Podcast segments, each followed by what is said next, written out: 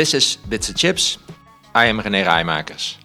And this is the third part in a series of podcasts about project leadership. I ask Wilhelm Clausen, he's a trainer project leadership for the Tech Institute, what project leadership actually means. In this podcast, Clausen talks about the do's and don'ts, but also about how a project leader should position himself and how he has to guard his personal boundaries. This needs special attention because project leaders feel constantly pressed. Project leaders always feel the pressure to be faster, use less resources, be cheaper, and be earlier on the market. In this edition, Wilhelm Clausen will give a very clear answer.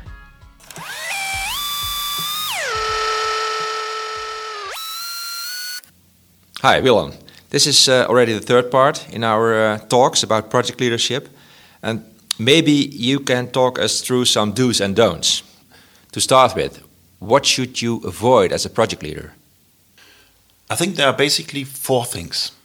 The first one is you should never lose your main line that you follow in your project. Meaning, if you are no longer able to describe your high level project plan in two minutes, then you really should rethink it. Mm -hmm the complexity kills. You will overlook something, and at the end of the day, mm-hmm. you're dead, or your project, your product is dead. The second point is do not start to tick off boxes blindly. Check, double check, and check again. Make sure that you are aware of the real project progress. The third point is never push out decisions as hard and as painful as they might be to take and might be to communicate. And of course, expect headwinds and hiccups there. This is a real leadership task to do this early and straight. And last not least, fourth, never take no news for good news the fact that you don't hear anything from a certain project part does not mean that they are making progress. The decommitments are always silent mm-hmm. and they will slap you in the face later on. If you focus on the first, don't.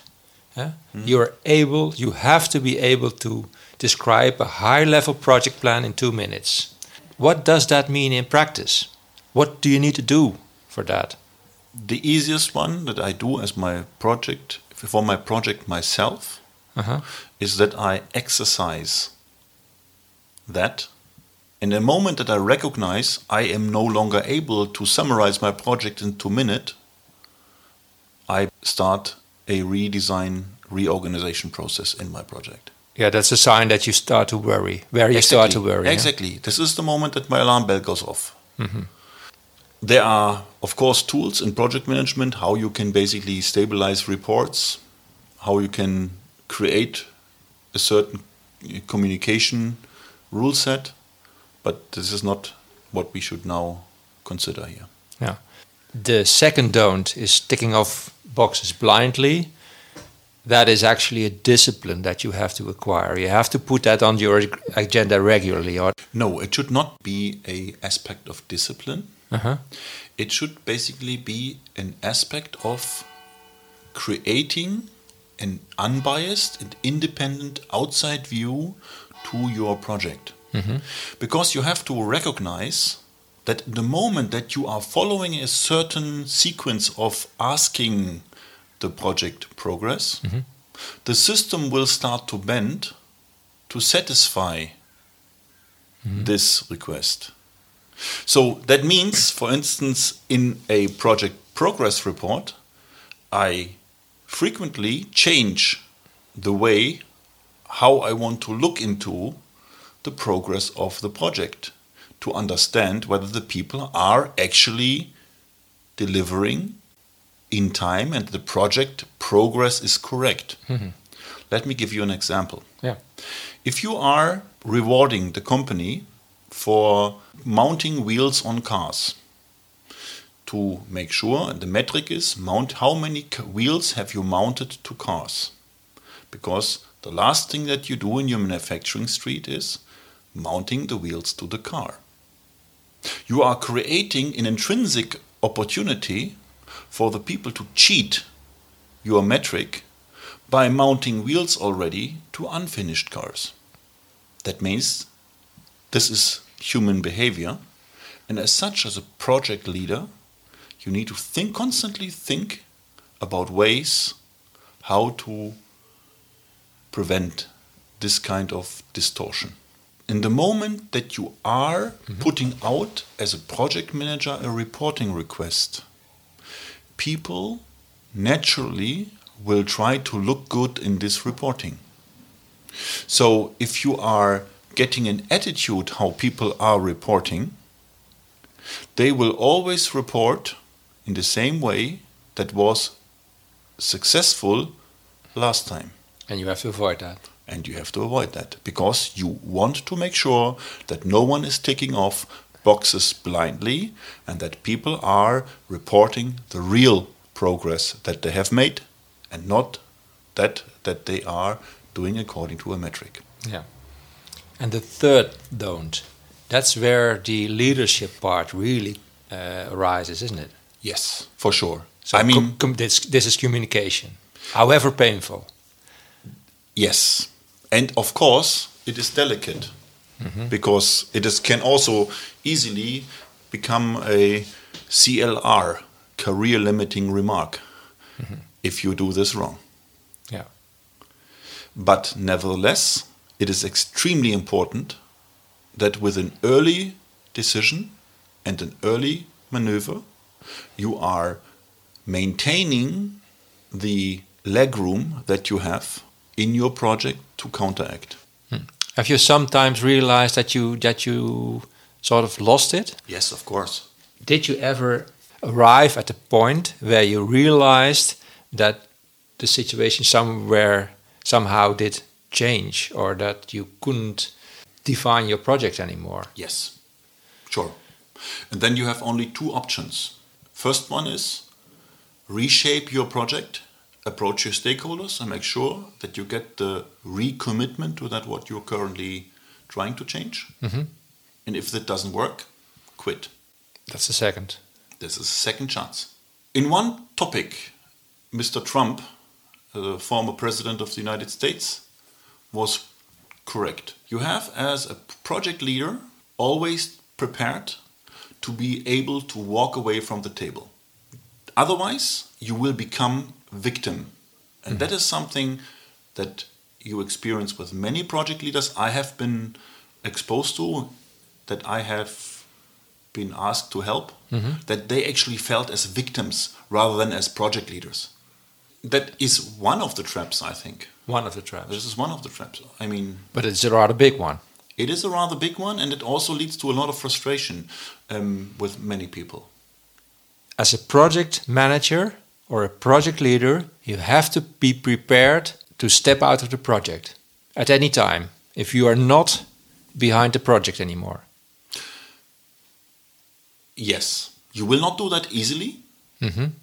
But it is very important that for your personal well being, you know that there is a certain limit where you basically will communicate to your stakeholders I will not do this anymore. This, this needs a state of mind, I guess.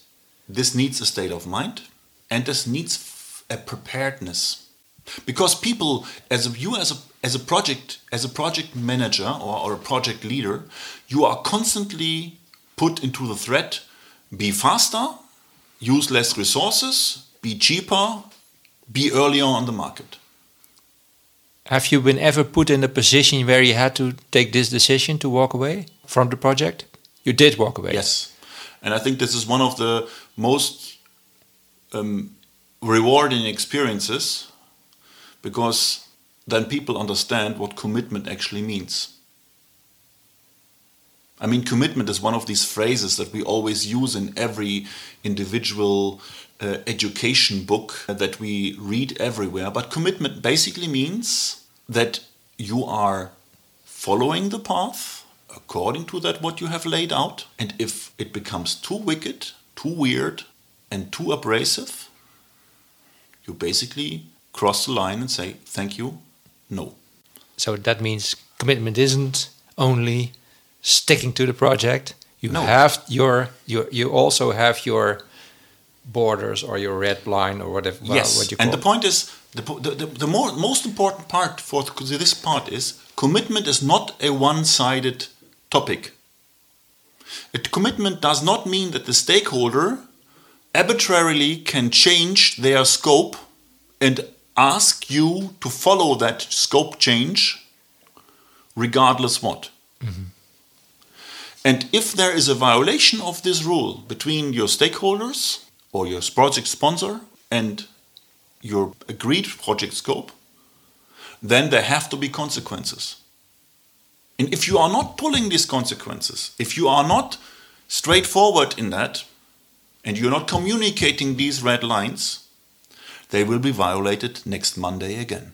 Hmm. But your customer or your stakeholder can put a new requirement on the table that is really needed in his business. I think you don't get it, honestly. no. the So what what The story is the story is not the story is not about running away. The story is not about bending away. uh-huh. The story is not about not embracing change. The story is about a severe violation of the agreed rule set by the people that gave you the order, the marching order, and there you have to accept or you have to understand where your personal limits are. Yeah.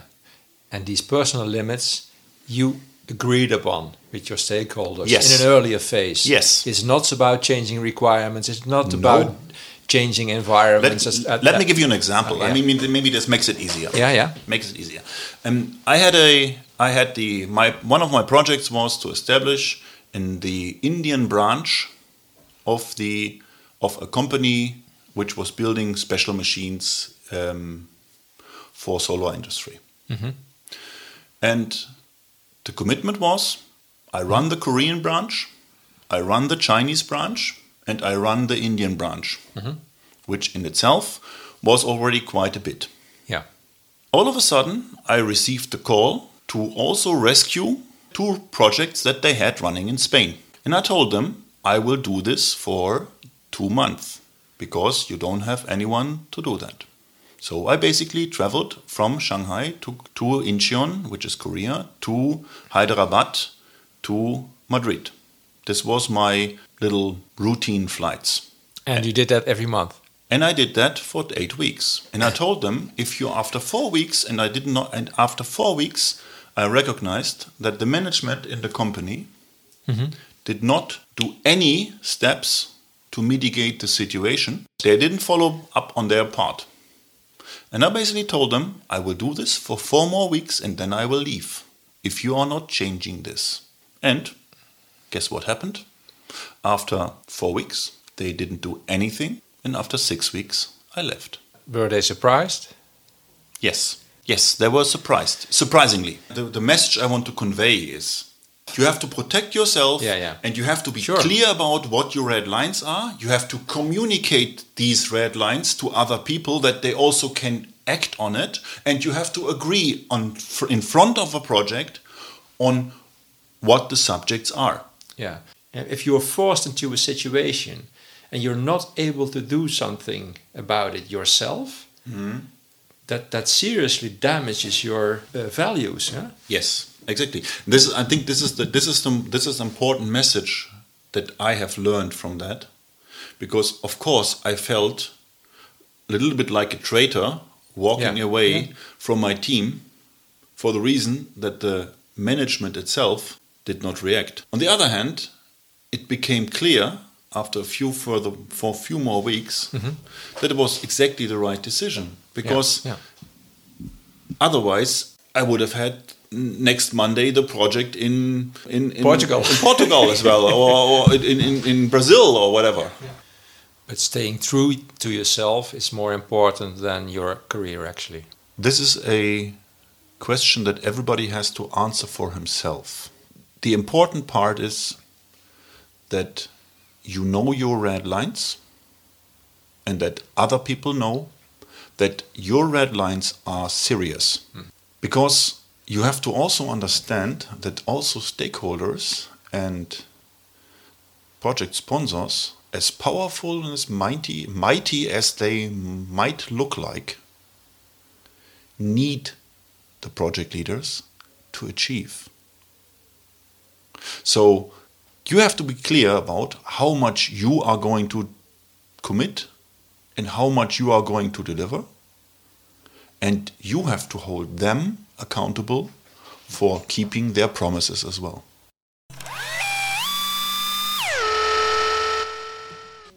This was the third part of my interview with Wilhelm Clausen. This was Bits and Chips. Thanks for listening.